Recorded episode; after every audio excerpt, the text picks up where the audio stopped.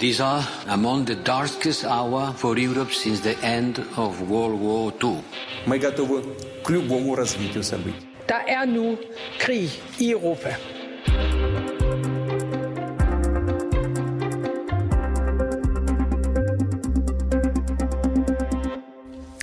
Ukraines kamp er ikke bare Ukraines. Det er en styrkeprøve for alt, hvad vi tror på. Vores værdier, vores demokrati, menneskerettigheder, fred og frihed. Vores handlinger i Vesten vil ikke kun være med til at afgøre Ukraines fremtid. Det vil også definere, hvem vi er, hvad vi står for – Vesten og her vores egen statsminister Mette Frederiksen er helt oppe på de høje navler og er rykket tæt sammen i kampen mod Putins aggressioner i Ukraine. Og flere lande her blandt Danmark øger nu sit forsvarsbudget, styrker samarbejdet med allierede og sender hid til usete sanktioner mod Rusland. Men hvor stiller det Putin, og har Vesten i virkeligheden fået trængt Putin op i en krog, som han ikke kan komme ud af uden yderligere eskalering? Du lytter til Krig i Europa, hvor vi i dag ser nærmere på, om Vesten har grebet Putin helt forkert an, og på, om det overhovedet er muligt at finde en fredelig løsning efter alt, hvad der er sket. Mit navn det er Cecilie Lange. Og jeg hedder Alexander Vils Lorentzen.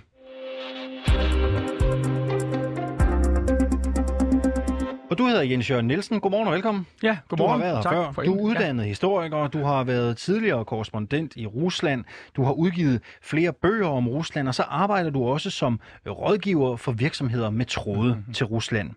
Øhm, har Vesten grebet Putin forkert an?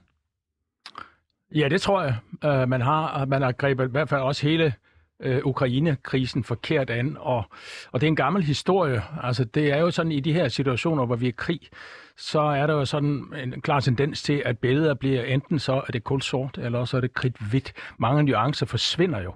Og blandt andet også det, at der er en forhistorie til den her, den her situation, vi står i nu, bare begrænset situation. Og det jeg vil sige med det her, det er, at, at der tror jeg godt, vi kan kigge tilbage og se, at vi har gjort nogle ting forkert. Og det er jo ikke et forsvar for, for Putin, og slet ikke for det skridt, han Hvad har taget. Hvad er det helt det konkret, det. vi har gjort forkert? Jamen, jeg, jeg tror, det, altså hvis du tager sådan, hvad skal man sige... Øh, den, den oprindelige synd, som man siger, som katolikker siger. Altså jeg tror nok, der hvor det virkelig for alvor gik galt, det var nok med NATO-udvidelsen. For jeg tror, herover i, i Vesten har vi en, en, vi har jo en opfattelse af, at NATO det er sådan en værdiklub, øh, som bare vil udbrede det gode samfund og sådan nogle ting. I Rusland ser man, og når jeg siger man, så er det ikke kun Putin, og det er heller ikke kun nationalister, det er faktisk mange liberale, vest, vestvendte, mange Putin-kritikere også, er også ret kritiske over for den der NATO-udvidelse og har været det gennem årene. Og det er jo ligesom det, sådan, det er jo der, det blev alvor med, med Ukraine, hvor vi ligesom sådan øh, holdt fast i, i, i de ting, øh, at holde fast i, i at, at NATO skulle udvides, eller at Ukraine skulle have ret til det. Og der tror jeg faktisk, det gik galt. Der er flere andre ting. Det her det er bare sådan det, jeg ser som, som, som hovedlinjen. Så er hele Ukraines spørgsmål med det, der skete med det der kup, eller den der omvendte, hvad man nu sige, der i, i 2014. Der er en masse detaljer der, men hovedlinjen, det ligger der, og det er ikke specielt Putin. Har Vesten et ansvar for den situation, som Ukraine står i i dag? Ja. Har Ukraine selv et ansvar for den situation, de står i i dag? Ja, Ukraine, hvis du siger den ukrainske regering, så også ja. Hvilket? De har jo det andet, altså den politik, de har ført, har jo været en meget konfrontatorisk politik, fordi altså den version, man fik af, af Ukraine i 2014, det var, at hvis du er en god ukrainer, så var du anti-russer. Altså, man, man, man, man, man, man fjernede det russiske sprog, man lavede nye historier. Alt sammen noget, som provokerede en stor del af den halvdel så af Ukraine, som er Ukraine ved at føre en aggressiv mindretalspolitik selv bragt sig, eller selv været med til at bringe sig i den situation, ja, de står ja, i i dag? Altså, jeg, jeg vil jo så ikke sige, at de bærer hovedansvaret. Jeg vil jo bare sige, en, en, en sådan en konflikt som den her, øh, der er jo mange, der har bidraget til den her konflikt, og jeg ser ikke at rense Putin for det her, fordi det undskylder mm. ikke. Det er ikke det, er ikke det der er mit ærende. Det mit ærende, det er, at man godt kunne have grebet de her ting an på en anden måde. Se, det er interessant det her, ikke? fordi der kommer nogle nuancer på bordet, ja. man ellers sjældent hører i debatten. Med de seneste udviklinger, vi ser med sanktioner og oprustning i Europa, vil du så mene, at Vesten ligefrem har fået trængt Putin op i en krog, hvor den eneste udvej er en eskalering? Ja, det kan man faktisk godt, det kan man godt sige, fordi jeg tror ikke, at, at, at, sådan, at Rusland overgiver sig. Det tror jeg ikke er en option, øh, man skal regne med. Øh, det tror jeg ikke vil ske. Øh, tværtimod er jeg meget, meget bange for og nervøs for, at det virkelig kan blive meget, meget grimt i Ukraine. Hvad det kan, komme, det? det? det kan komme til at ligne Raqqa i værste fald. Vi har jo billeder fra Syrien og, og også fra Irak om, hvordan hvis du har en eller anden guerillabevægelse ind i en by, hvordan bekæmper du så dem? Det bliver meget, meget blodigt. Det bliver meget, meget svært. Jeg er meget, meget berørt af det, fordi jeg har, jeg har venner i Kiev, øh, som på, på begge sider øh, af den her front også. Betyder det også, at vi har undervurderet øh, Putin? Altså kunne vi ikke have sagt os selv, at det kunne potentielt ende her? Øh, Jeg gjorde det ikke i hvert fald. Jeg, jeg blev meget, meget overrasket, specielt over det sidste skridt. Jeg blev ikke overrasket over, at han gik ind i Donbass. Jeg blev meget overrasket over det sidste skridt. Jeg har ikke ventet det, og, og, og, og, og det har rystet mig grundlæggende, fordi øh, betyder det her, at vi sådan ikke rigtig kan forudsige, hvad der sker. Uh, så, så, så på den måde er vi mange eksperter, der ligesom er kommet på glat is. Hvad er worst case scenario øh, lige nu? For du trækker jo også fronterne op. Hvad er worst case scenario? Worst case er det en atomkrig. Og hvor realistisk? okay, så, så, er vi, så er vi langt ude, men, men uh, altså, jeg har jo levet, I kan se, øh, lytteren kan ikke se, jeg er ved at have fået gråt hår, jeg har levet, ja. jeg har levet mange år. Jeg tror, det er nok det er den værste situation siden 2. verdenskrig, altså i forhold til, så Kuba-krisen var, var, hvad skal man sige, øh, den blev jo også løst relativt hurtigt. Det er ligesom om, vi mangler nogle af de ting, vi havde under Kuba-krisen, altså i 1962, øh, da Sovjetunionen satte sat raketter op på Kuba, ikke? Og, og, og amerikanerne faktisk troede med atomkrig. Er det realistisk, at vi ender i en atomkrig denne gang? Det tør jeg ikke at sige her en mandag morgen, fordi øh, det er jo ganske forfærdeligt at sige det. Men men, prøv alligevel. men, men, men, men ultimativt, ja.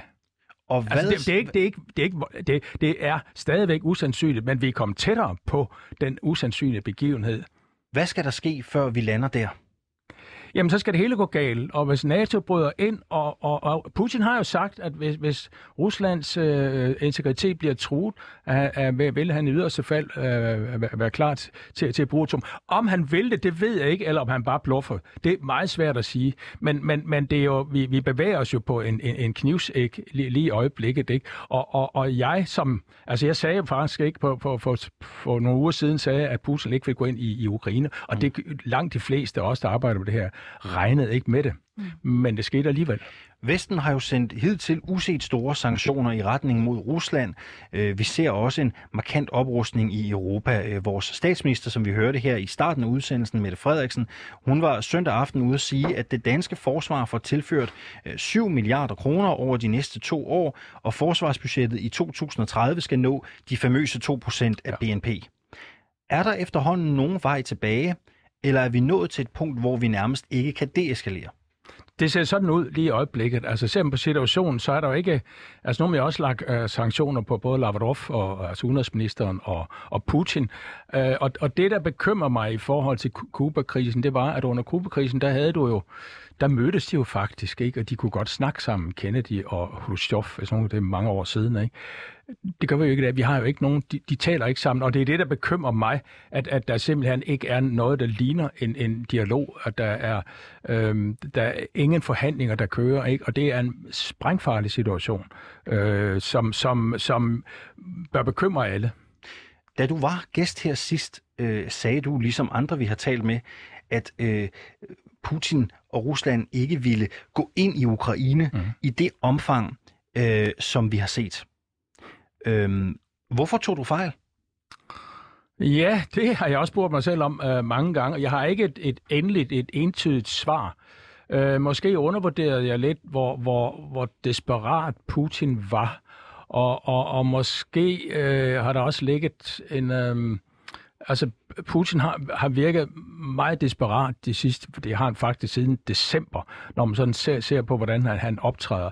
Han har virket sådan meget, meget bitter og meget, meget, meget vred. Altså, han har virkelig haft nogle, nogle vredesudbud, så han er dybt, dybt frustreret og, øh, og meget, meget sur på Vesten. Øh, øh, og og øh, så, så jeg, jeg havde faktisk haft den opfattelse, at han faktisk havde altså havde, vil, vil have nøjes med, med Donbass, øh, fordi øh, måske har han også regnet med, jeg tror, han har fejlberegnet den modstand, der vil være i Ukraine også. Ikke? Øh, så og det... Øh, så, så jeg er måske også fejl, fejlberegnet altså, den russiske stats evne også til ligesom at have præcise efterretninger fra Ukraine. Vi har talt med Jakob øh, Tolstrup. Han er ekspert i diktatorer og diktaturer, og han øh, skal lidt senere forklare os, hvor presset øh, Putin egentlig er. Øh, Jens Jørgen Nielsen, du er historiker, forfatter og konsulent. Du er med hele øh, den her time i studiet, så vi kan trække på din viden om Rusland og Putin øh, undervejs.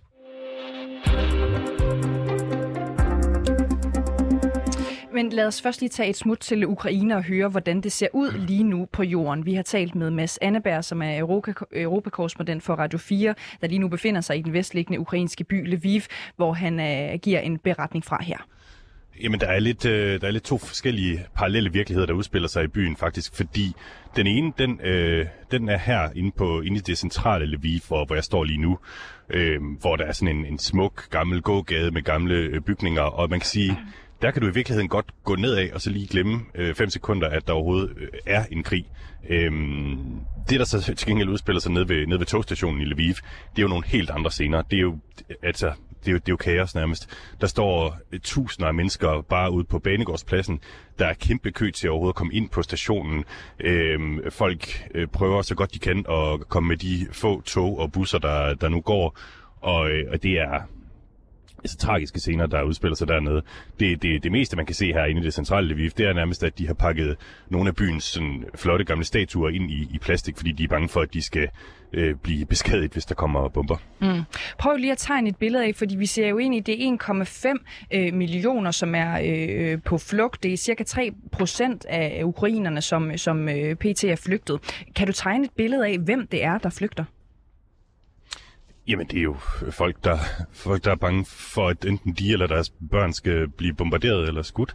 Altså, det er, det er folk, som... Mange af dem kommer selvfølgelig over østfra, hvor der, hvor der er bombardementer, hvor der er øhm, øh, kampe, og, og, og så flygter de simpelthen for enten og, øh, og få dem selv i sikkerhed, eller deres forældre, eller deres børn. Det er jo primært øh, kvinder og børn og, og gamle, som, som flygter ud af landet. Mænd må jo ikke, øh, hvis de er mellem 18 og 60 mm. år gamle. Så det er klart, det, det er mange... det er mange kvinder og børn, man, man ser. Øh, og for eksempel ned på, ned på altså, der, der er rigtig mange, der kommer fra byen Kharkiv lige nu, som er den her by i det østlige Ukraine, som ligger 30 km fra den russiske grænse, som simpelthen har været under daglige og natlige bombardementer i, jeg ved snart ikke, hvor længe nu. Mm. Du har også været i kontakt med mange øh, øh, ukrainer i både hovedstaden i Kiev og den øh, øh, anden største by, som du nævner her, Kharkiv, øh, som jo er under hæftig øh, russiske angreb. Hvad fortæller de om, om situationen? Jamen det er igen det her med, at der er sådan en parallel virkelighed, hvor det Ukraine, jeg står i, er jo ikke det er jo ikke det rigtige Ukraine på en eller anden måde. Altså fordi her er det relativt fredeligt, men så straks man øh, løfter telefonrøret og ringer til de her folk, som stadigvæk befinder sig i Kiev og i Kharkiv, jamen så hører man jo hjerteskærende, urovækkende historier om, hvordan deres daglige liv simpelthen bare er blevet vendt fuldstændig på hovedet. Øhm, jeg talte med en ung kvinde i, i Kharkiv, som øh, simpelthen øh, er begyndt at drikke øh, morgenkaffe til, til lyden af, af skudsalver uden for hendes vindue, og øh, som hver aften siger til sine forældre, at hun, hun elsker dem, og altså dybest set nærmest siger farvel til dem hver aften, fordi hun ved, det kan være den sidste. De aner ikke, hvor den næste bombe rammer hende, og det, det gælder jo også for, for nogle områder af, af Kiev, især nogle af de øh, forsteder, som ligger i den, i den nordøstlige del, mm. øh, nordvestlige del. Mm. Lad os lige prøve at, at fokusere på selve øh, det logistiske øh, en gang til. Øh, hvordan er det sådan rent logistisk for dem at komme ud til den polske grænse, altså dem, der flygter? Kan alle bare ubesværet komme ud af Ukraine? Du nævnte også, at der var øh, sådan kaosagtig øh, stemning. At du mener fra Lviv? Lige præcis. Ja, ubesværet vil, vil nok ikke være det rigtige ord at sætte på det. Altså, øh, det, det er rimelig øh, bøvlet. Der er kæmpestor trængsel ned på banegården i forhold til bare helt lavpraktisk at, at komme ud af landet med et, med et tog eller med en bus.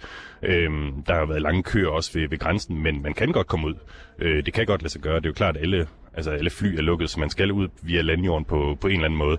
Det der, det, der bliver rigtig svært for, for folk lige nu, det er jo at komme ud, hvis ikke de allerede er flygtet til den vestlige del af landet. Mm. Altså, vi, vi hører, at der vil blive åbnet en form for øh, civile korridorer, at der vil være en våbenhvile, som gør, at folk fra Kiev og, og Kharkiv blandt andet kan, øh, altså civile kan, kan forlade de byer i dag, men, men nu må vi se, om, om det overhovedet holder.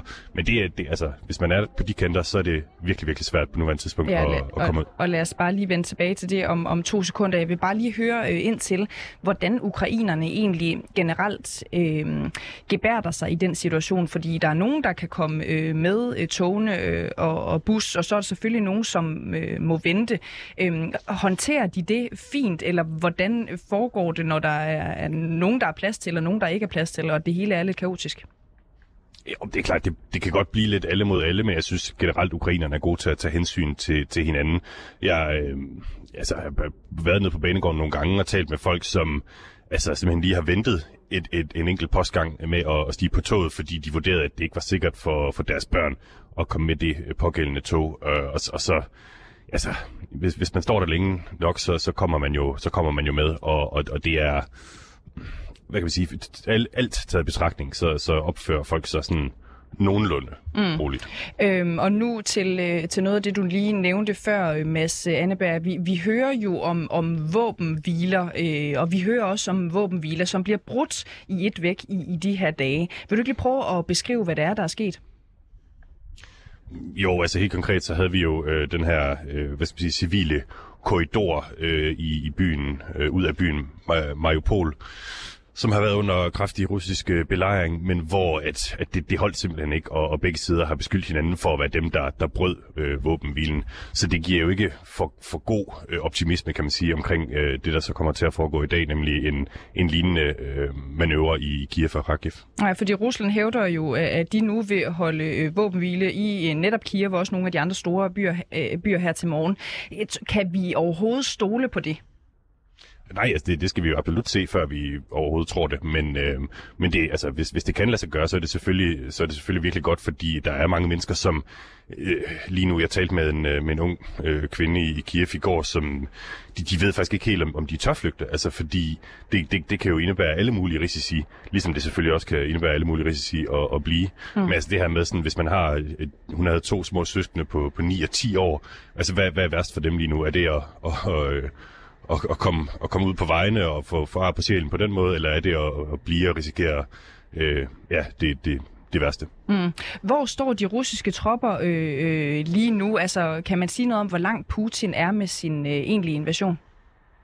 Ja, der skal man nok have fat i en militær analytiker, hvis man skal sådan helt til bunds i det. Men altså, man kan sige, det som, det som Ukrainen efter ved, så ved, det er jo, at, at Putin er ikke kommet lige så langt, som, som han gerne ville. Vi, det har jo stået en lille smule i, i stampe, i hvert fald set med ukrainske briller her den seneste uges tid, øh, hvor der har været mm, der har været nogle enkelte byer, som, som de har fået indtaget, men, men generelt så er det ikke så er det ikke gået for hurtigt med, med invasionen, tænker man i hvert fald her i Ukraine. Ja, sådan lød det fra Mads Anneberg, europakorrespondent for Radio 4, der lige nu befinder sig i den vestliggende ukrainske by Lviv.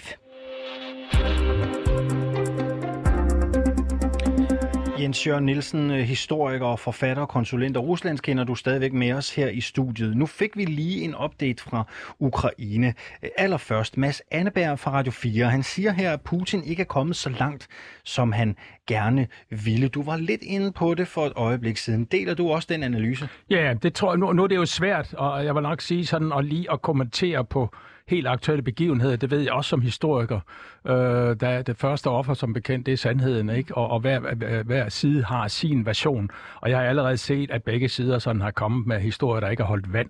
Så, så, så med lidt lille forbehold, så er der også noget, der siger mig, at det, det er nok, det, det, det tror jeg virker øh, overvejende sandsynligt. Det er jo også, altså jeg kan, altså nu, hvis jeg prøver at sætte mig ligesom i Putins sted, eller de russiske militærfolks sted, og gå ind i Kiev, det er altså også noget af en med 3 millioner by. Hvordan gør man lige det? Altså, det, det er jo, det, det vil jo være forfærdeligt blodbad. Så jeg kan godt forestille mig også, og det tror jeg også, eller det, det er der også belæg for, at Rusland, man skal nok regne med, at, at nu er der en tid til at begynde nogle fredsforhandlinger. Øhm, de i hvert fald håber på det, for, fordi jeg tror ikke, det er et ønskescenarie at gå ind i, i, i Kiev øh, sådan for alvor og kæmpe fra hus til hus. Så fredsforhandlinger i ja. udsigte, hvornår? Jamen, det, øh, hvad, hvad, hvad spår du? Jamen altså, det her, det er en situation, som, som, altså det er jo et nyt jord, vi egentlig betræder her fuldstændig. Altså, jeg vil sige, jeg håber meget stærkt på det øh, øh, fordi, øh, fordi alternativet, det er jo, som, som, som jeg nævnte, vi har jo set, hvordan sådan noget det ser ud i, øh, i Syrien og Irak, og det er et meget, meget, meget, meget grimt scenarie. Og så skal man også huske på, at, at, at, at, at beboerne i Kiev, de er jo primært russisktalende, mm. og ganske mange er jo egentlig sådan pro-russer, eller kritisk over for den ukrainske regering, i hvert fald en del af dem er det.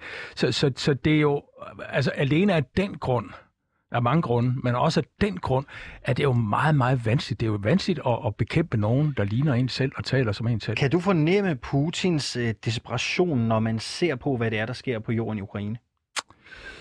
Ja, det, øh, altså det, det som, som jeg kan se det, så tøver de lidt foran Kiev i øjeblikket. Det er det, det, jeg har set ind, ind, ind, indtil videre. Og, og øh, de holder nogen, de har jo også nede ved Mariupol, øh, der holder de også en, en position, så vidt jeg kan se, lidt mere succesfuldt end, end nordpå.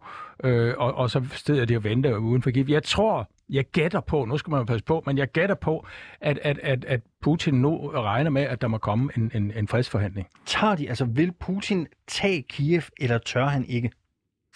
Det ved jeg ikke, for at sige det som det er. Jeg tror, det, det vil være meget, meget vanskeligt at tage Kiev.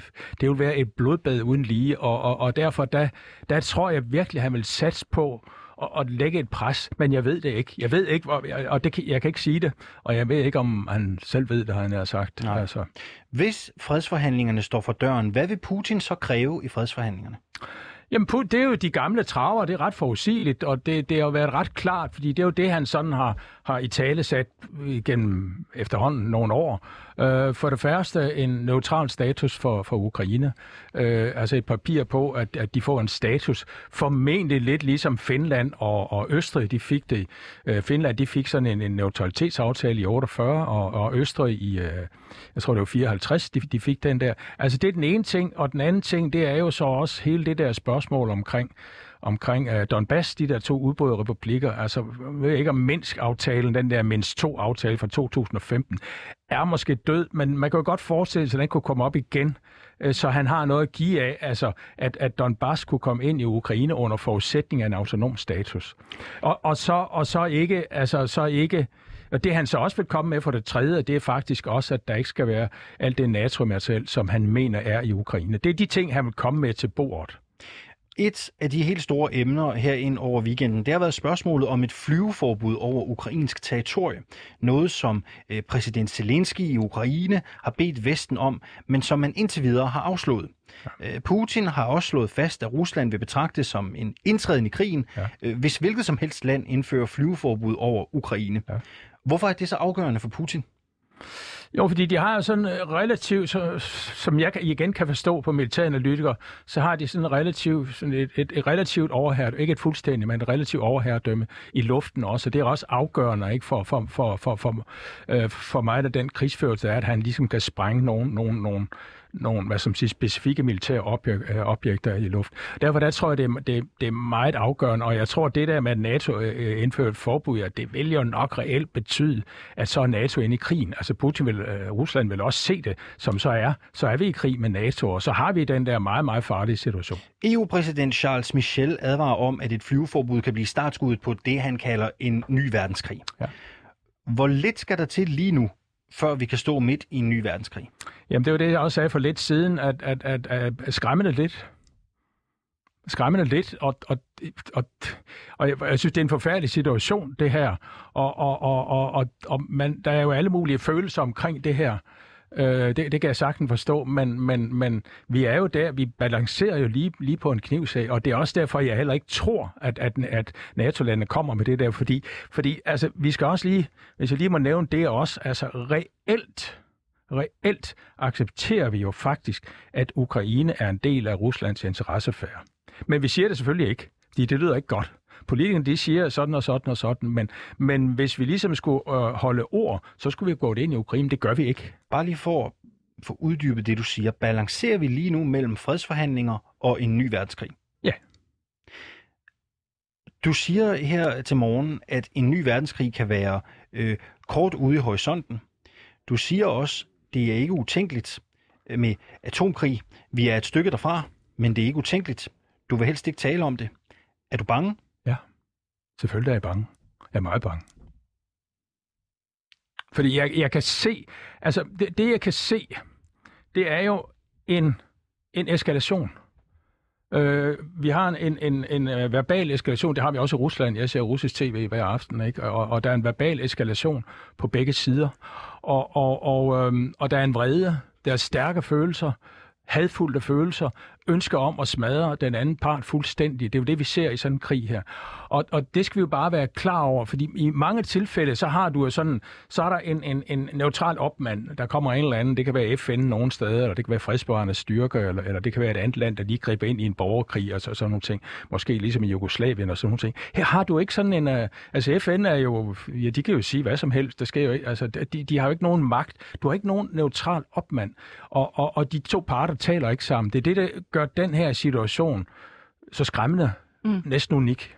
Du siger, du er bange, og det er jeg da sikker på, at der er mange, der, der deler øh, med dig, når man følger den her øh, situation rundt omkring i, i verden. Hvis vi bare lige, og det er jo ikke særlig behageligt, men lad os bare lige tænke tanken ud. Hvis vi ender øh, med en tredje verdenskrig, hvis vi ender i en atomkrig, prøv lige at forklare, hvad sker der så?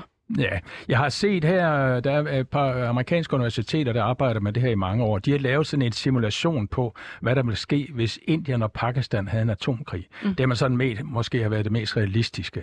Øh, og, og det, de har så kommet frem til, det er, at okay, hvis de bruger deres atomvåben, og det er kun sådan cirka to 3 procent eller sådan noget, de to lande har det sammen.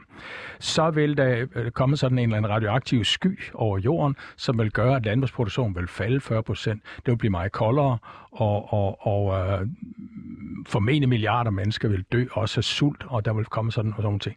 Og der taler vi bare ind den Pakistan. Altså hvis nu, hvis nu, de, altså, hvis nu Ragnarok bryder løs, og det, jeg tør ikke at tænke tanken til enden, ikke? Altså, så, så, så står vi ikke her næste uge. Så, altså, så, så står vi uddør. altså efter det, så står vi ikke her. Okay. Så er det slut, ikke? Altså, det, det, altså, det er jo, det er jo, altså, og det er også derfor, det, det, det, det er skræmmende på en anden måde end Afghanistan og nogle af de der, de der andre lande. Altså, det er fordi, vi, vi balancerer på, på, på et eller andet, og der er ikke ligesom nogle mekanismer, der trækker i en anden retning. Vi står på øh, grænsen potentielt til 3. verdenskrig, siger øh, Jens Jørgen Nielsen her til morgen. Vores spørgsmål til jer, der lytter med, er, har Vesten håndteret Putin forkert, siden vi står på nippet til det, der kan blive 3. verdenskrig? Send os en sms 92 45 99 45, 92 45 99 45, eller kommenter i Facebook Live-tråden, der hvor vi sender øh, lige nu.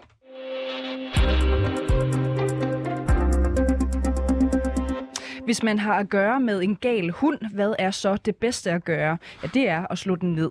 Sådan lyder det fra Morten Lykkegaard, der er gruppeformand for Venstre i Europaparlamentet i et interview hvor, om, øh, hvordan Putins invasion af Ukraine skal øh, stoppes. Lykkegaard er blevet interviewet af vores reporter Kevin Sakir om de øh, historisk hårde EU-sanktioner mod Rusland, som skal få den russiske præsident til at trække tropperne hjem. Lad os lige prøve at høre, hvordan det lød. Historisk hårde sanktioner, en hård retorik mod Putin og Rusland. Men hvordan vil det helt konkret få Putin til at trække tropperne ud af Ukraine? Altså det, der er håbet og ideen med hårde sanktioner, det er først og fremmest jo at øh, få spændt tommelskruerne på, det, på Putin og hans øh, regime. De folk, der omgiver ham øh, primært, og som man, man, må forhåbe, man må håbe, at han rådgiver sig med. Nu er det ikke sikkert, at han rådgiver sig med ret mange lige i øjeblikket, men, men i hvert fald de folk, som man traditionelt set har set, som han støtter i Kreml og omegn, at de simpelthen får mærke, for en gang skyld for at mærke, hvor, hvor, hvordan de selv kommer til at lide under det her. Og på den måde øh, få presset dem til at indse, at, der skal, at den her krig den skal stoppe, og man skal, man skal til forhandlingsbordet og finde nogle ordentlige løsninger. Forudsætning for, at man kan gøre det, det er jo i første omgang, at man trækker tropperne ud øh, af, af Ukraine igen. Så den, den direkte sammenhæng er der. Fører det så til det? Det er jo alt for tidligt at sige. Øh, det er jo det instrument, vi har. Øh, vi kan ikke gå ind i en, en, en landkrig øh, på, på, på vegne af Europa eller NATO, og, øh, og derfor er det ulykkeligt jo, at vi er en, en defensiv øh, forsvarsalliance. Vi kan sende hjælp. Enkeltstater kan sende militær isenkram og hjælp, øh, kan gå ind og sende frivillige afsted til fronten. Men, øh, men som EU og som NATO kan vi ikke gå ind og deltage aktivt i krigen, og derfor er sanktionsinstrumentet og hvad alt, hvad der fører med, øh, det, der er på bordet nu. Men vi har jo en øh, Vladimir Putin, som viser sig at være utilregnelig. Øh, mener du, at I har isoleret ham måske fra resten af omverdenen, eller i hvert fald øh, Europa? Altså, sandheden er, at han har isoleret sig selv. Sandheden er, at vi jo i overvis har i virkeligheden været alt, alt for gelassen og alt for, for bløde i forhold til den mand.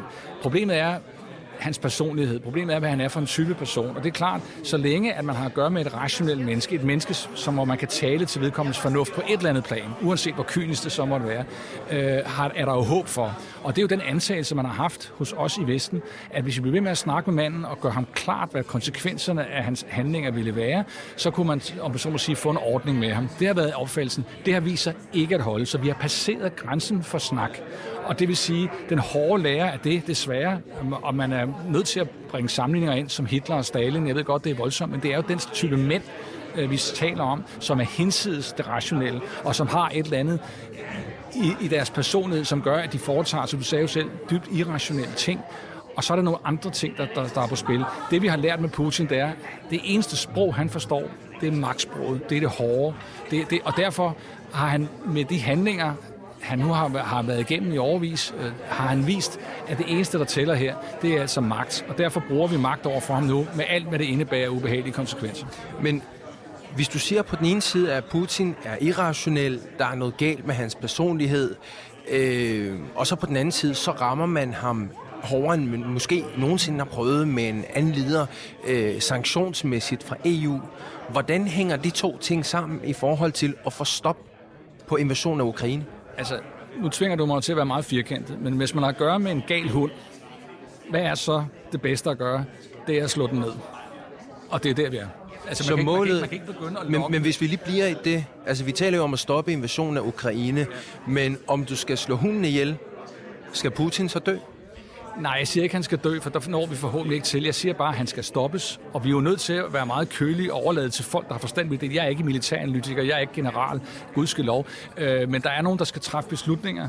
Øh, i, i, Hvad betyder det helt konkret? det betyder, at, man, at der sidder nogen lige nu, nogen i NATO's ledelser i, øh, i regeringskontorerne rundt omkring i de største lande, og på daglig basis skal forholde sig til en mand, som minder uhyggeligt meget om noget, vi har set før, øh, og som desværre øh, kun kan, kan om så må sige, handles med øh, på den hårde måde. Og hvad vil det så sige? Jamen, det må, man, det må, det må vi jo se.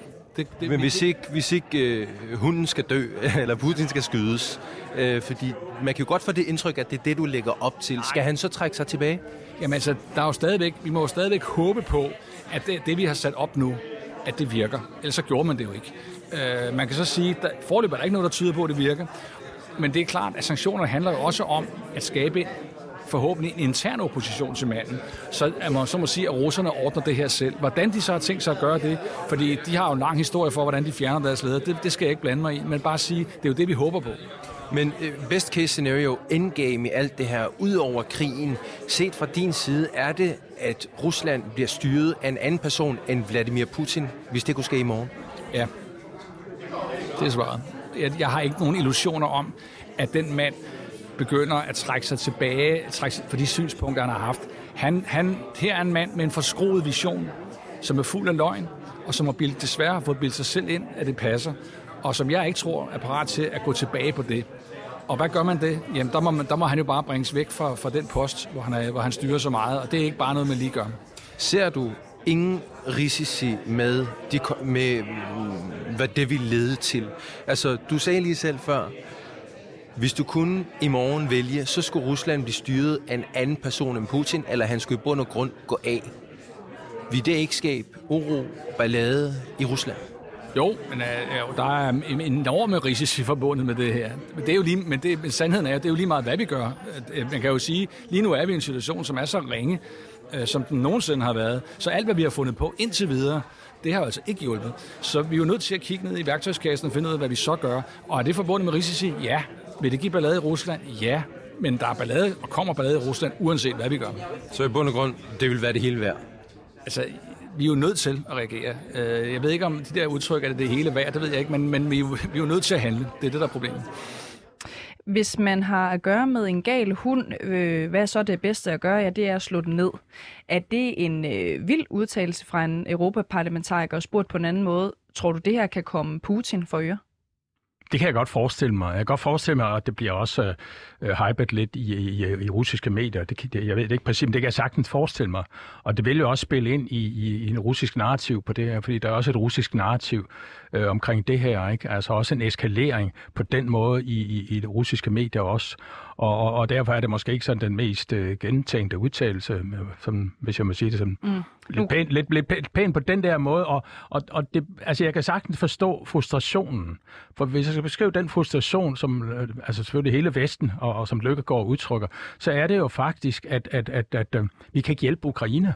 Altså vi, vi, vi sidder ligesom på første parket og ser på, at det land bliver massakreret og, og, og, og vi kan ikke gøre noget, og, og, og måske har vi også ligesom presset Ukraine i forhold til, at I skal bare, øh, bare prikke til bjørnen, fordi vi står bag jer, men vi står jo ikke bag dem. Altså, der, der, der er et eller andet grundlæggende misforhold. Og det er klart, følelsesmæssigt, når vi sidder og ser på det, lige nu, så er det klart, at man bliver enormt frustreret. Og når man er frustreret, så har man jo lyst til sådan at, at finde en eller anden, der er skyldig, og så slå vedkommende, eller gøre et eller andet. Men, men det, er jo ikke en, det er jo ikke en rationel politik i forhold til, hvordan man kommer ud af det her enorme Hvorfor er det moras. egentlig ikke det? Fordi, nu ved jeg ikke, om sammenligningen giver mening på den måde, men man fjernede jo også øh, Hitler, man har fjernet øh, mange store, øh, hvad skal man sige, krigsforbrydere igennem tiden. Er det egentlig ikke en ret realistisk øh, øh, ting, at, at have et ønske om, at, at Putin skal fjernes, hvordan man så end øh, vælger at tolke det? Nu er Putin jo snart 70, han bliver 70 år, så, så, så, og han har siddet par 20 år. Ikke? Så jeg ser også det her som Putin sådan, øh, hvad skal man sige, slutspil, og han vil gerne ligesom have det her på plads. Det er sådan, jeg opfatter det, det, det, det, det i hvert fald. Men man skal, altså, altså ja, den beslutning, som Putin traf her med at gå ind i Ukraine, der, den, den kom bag på ganske mange. Men jeg tror ikke, at han sådan står alene med den. Jeg tror ikke, jeg tror, at både udenrigsminister, forsvarsminister, herren og så videre, der, der er trods alt en vis opbakning til, til det her. Jeg tror, mange russere er lidt i chok over det, der sker. Men, men, men, men, men så er jeg ikke sikker på bare sådan, hvis nu Putin får en tagsten i hovedet, og han så dør, at det så bare alligevel helt falder på plads. Det, det, det, fordi der ligger mange grundlæggende ting i det, som, som, som, som, som i hvert fald hele det russiske establishment, sådan, øh, i hvert fald i forhold til den måde, de ser tingene på. Prøv lige at forklare os, altså, hvad vil konsekvensen egentlig være, hvis øh, Putin gik af i morgen, eller blev fjernet på en eller anden måde? Altså hvis... Øh, måske ikke så meget. Der vil nok komme en del usikkerhed. Øh, men altså hvis nu, hvis nu det betyder, det kan godt være svært at sige, men hvis nu Rusland bryder sammen, så vil jeg nok sige, så er vi måske i næsten en endnu værre situation. Fordi så er vi, hvis, hvis det hele bare øh, klasker sammen der, så har du øh, virkelig Altså, så har du en lang række borgerkrige, og du har måske også nogen, der får adgang til den der øh, øh atomkuffert, ikke, som så er inde i Kreml. eller så der er nogle fuldstændig vanvittige situationer, hvis Rusland skulle bryde sammen. Som, så så, så det, det, altså, det, er, det er også det, jeg mener med, altså man skal på et eller andet tidspunkt, skal man jo også prøve meget, meget, altså vi skal jo her fra vestens side prøve meget, meget rationelt at se, hvad er det, vi kan gøre for ligesom at komme, komme ud af det her. Fordi altså, vi har jo haft alle de der med, med, med, det, øh, med, med, med, med det, øh, hvad hedder det, det, det, øhm, det blå-gule flag og, og, og, og, føl, og alle de der ting har vi jo. Og, og, og det er for så vidt fint nok, men, men det er jo ikke noget, som løser noget. Næsten, jeg kan næsten sige, det måske, altså, jeg tror et eller andet sted, så kan jeg godt mærke en frustration hos Zelensky. Hvorfor hjælper I os ikke? Mm.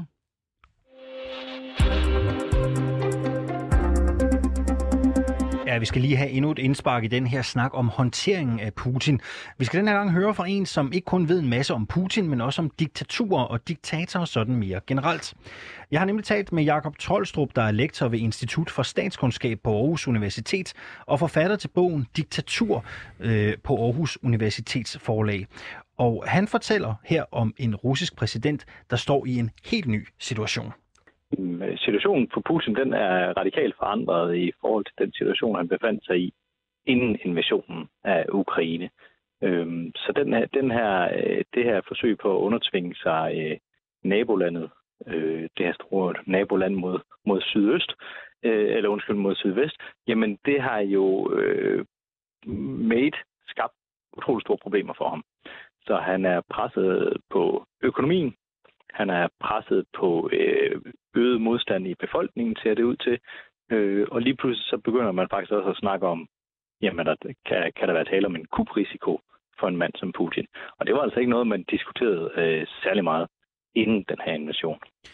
Kan du prøve at sætte nogle ord på, hvad det er, der ligesom har vendt bordet for Putin, sådan konkret?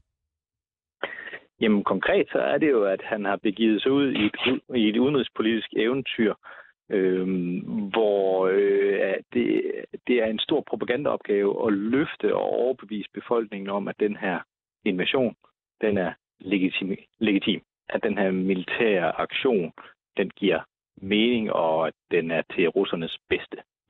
Så det er, det er den ene udfordring, det er at overbevise befolkningen om det.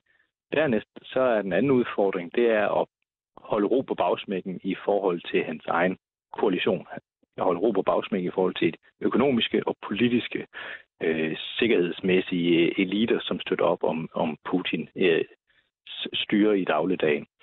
Øh, og udfordringen er her måske ikke så meget legitimiteten i det, men snarere, at det her det skaber enorm ustabilitet øh, økonomisk og politisk. Og når vi ser politisk og økonomisk ustabilitet, og vi ser en befolkning, som begynder at øh, blive, blive mere og mere usikker på, eller vise mere og mere modstand mod et regime, jamen så begynder eliterne også at overveje alternativer til den siddende leder.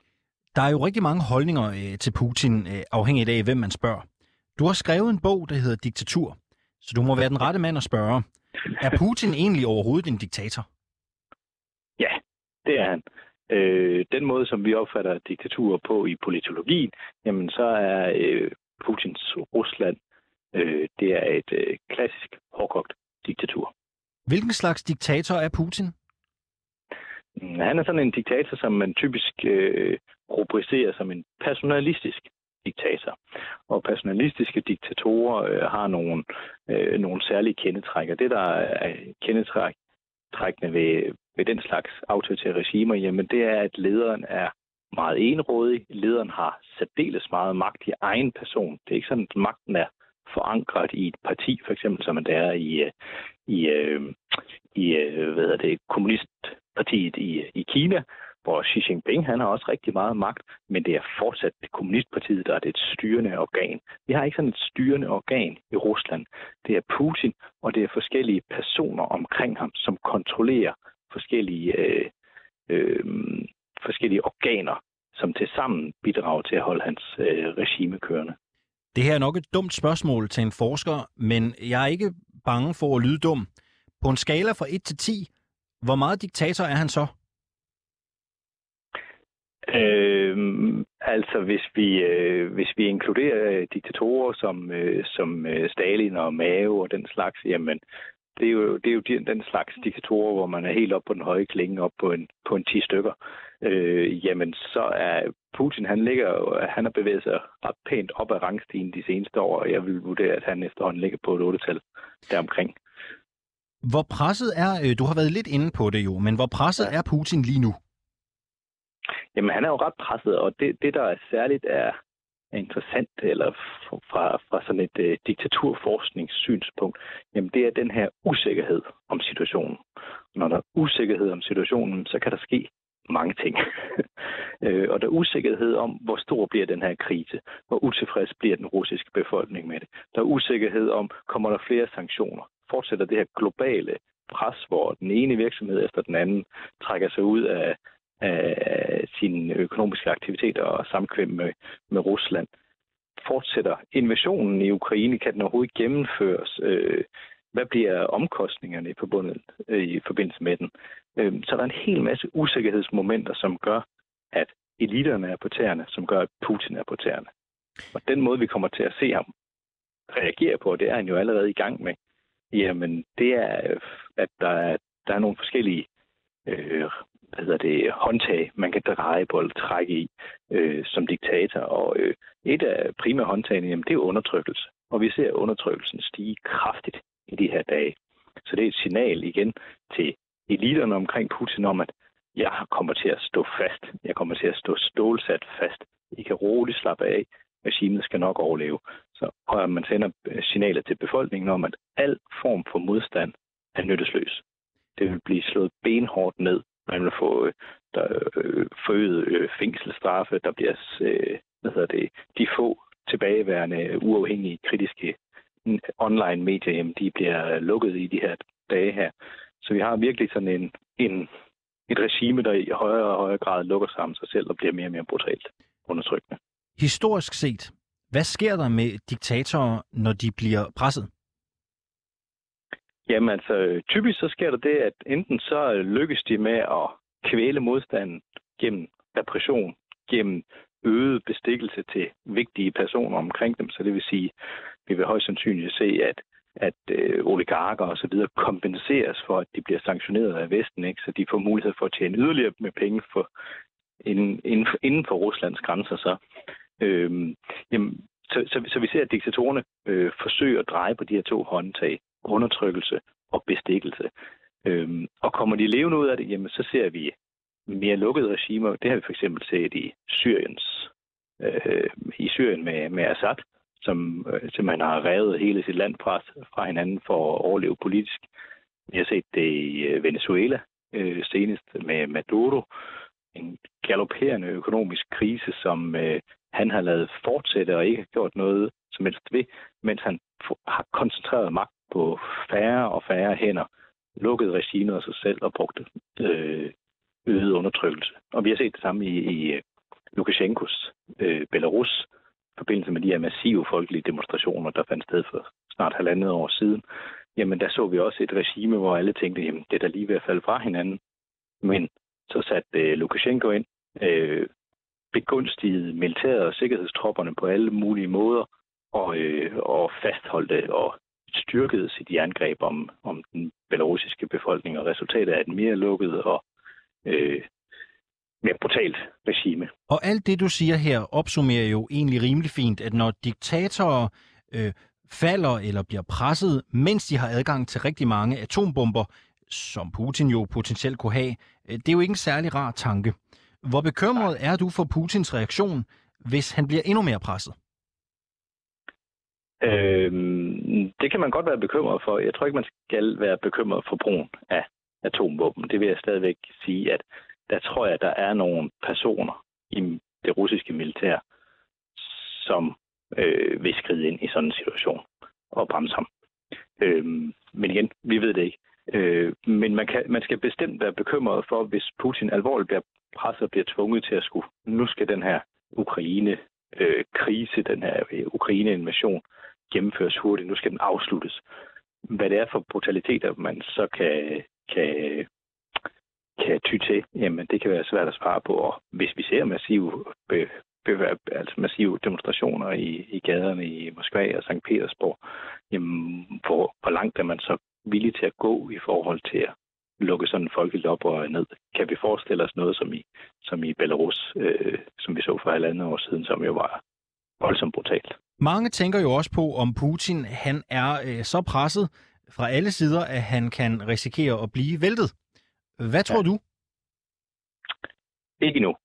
Altså, vi er ikke der endnu. Vi har set nogle små bitte sprækker øh, i, i, i hans skjold, kan vi sige, i forhold til både eliterne og i forhold til befolkningen. Men det er altså nogle sprækker, som kan udvide sig øh, hen over de næste par uger, hvis det bliver ved med at gå den gale vej. Øh, men øh, det er altså øh, for tidligt at vurdere endnu, vil jeg sige. Ikke? Men bare det her, at vi snakker om, hvor sikkert Putin reelt sidder i det, jamen det er jo en verden til forskel i forhold til, hvordan det var for 14 dage siden. Og sådan lød det altså fra Jakob Tolstrup, der er lektor ved Institut for Statskundskab på Aarhus Universitet, ekspert i diktatorer og diktaturer og forfatter til bogen Diktatur.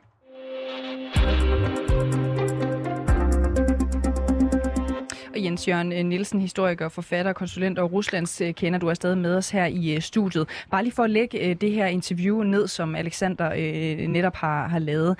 Tror du, at der er en reel risiko for, at Putin bliver kuppet indenfra simpelthen?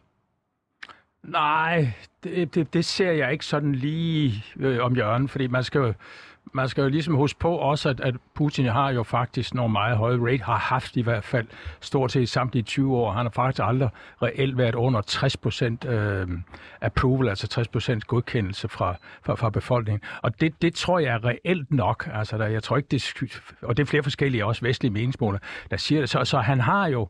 Han har, forklare hvad det betyder, den der øh, Jamen, den der det, det betyder jo, at, at der skal være noget til ligesom at gøre, lave et kup mod, mod, mod Putin, og så få befolkningens opbakning til det.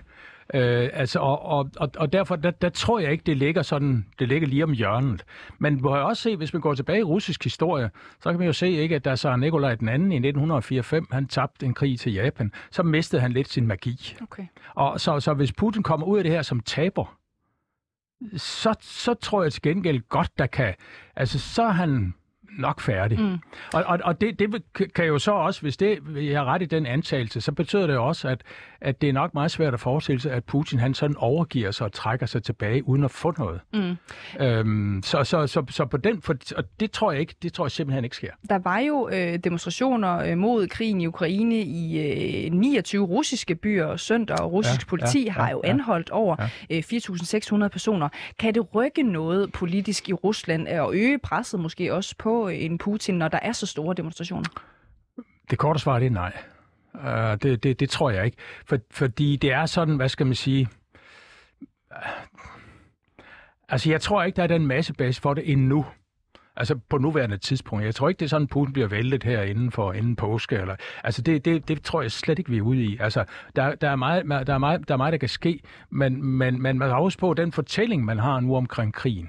Mm. Og den kan vi jo være, den er mange i Vesten selvfølgelig helt uenige i, men den fortælling, vi har, altså det er jo en, som, som, som jo også mange russere øh, er enige i. Altså de er jo enige i, i altså Putins grunde til at gå ind, altså omkring det der NATO og omkring øh, mindst to, altså de der udbrudte republikker. Altså det er lidt en folkesag i Rusland, skal man også lige huske på. Jeg er ikke sikker på, at den her invasion er en folkesag, men, men, men, men, men, men i hvert fald, at grundene til det er der. Og, og det gør også sådan, at det er ikke så, det er ikke så entydigt, ikke? og det er ikke så, det er ikke så stor en opbakning, ikke? fordi de demonstrationer, vi ser nu, altså dem har vi jo haft tidligere også omkring nogle præsidentsvalg og parlamentsvalg og, og så videre. Ikke? Så, mm. så, så, så jeg tror ikke, det, det, det, det bliver en trussel for Putin. Mm. Tror du, at Putin er ved sin fulde fem? Ja, Øhm, ja, til jeg tror, han er presset. Det... Jeg tror, han, altså nu siger jeg, jeg vil ikke begive mig ud i nogle diagnoser eller, eller noget. Uh, jeg tror, han har været ekstremt presset, uh, og, og, og jeg kan se det på hans kropssprog også. Han er ekstremt presset. Så, så en, hvad skal man sige, en overload af, af stress er vi i hvert fald ude i her. Det, det, det, det er helt klart. Og grund til, at jeg kaster det her på det, det er jo selvfølgelig, fordi at André øh, Kosarev, altså den, øh, der var udenrigsminister for ja, Rusland ja. i tilbage i 90'erne, han sagde altså søndag i går, at Putin har taget fejl af situationen, ja. men at han er rationel. Han er ude at afvise et såkaldt øh, atomangreb.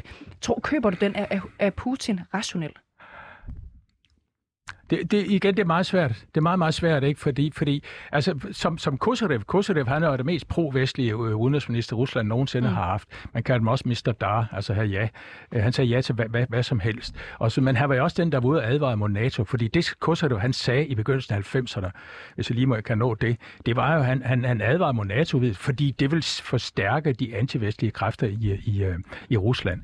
Og, og det er jo klart, altså, han, altså den politik, han har i forhold til, at man kræver øh, øh, øh, Ukrains neutralitet i forhold til NATO og løsningen af, af Donbass, det rationelle, hvad skal, det ser jeg helt klart som rationelt. Mm.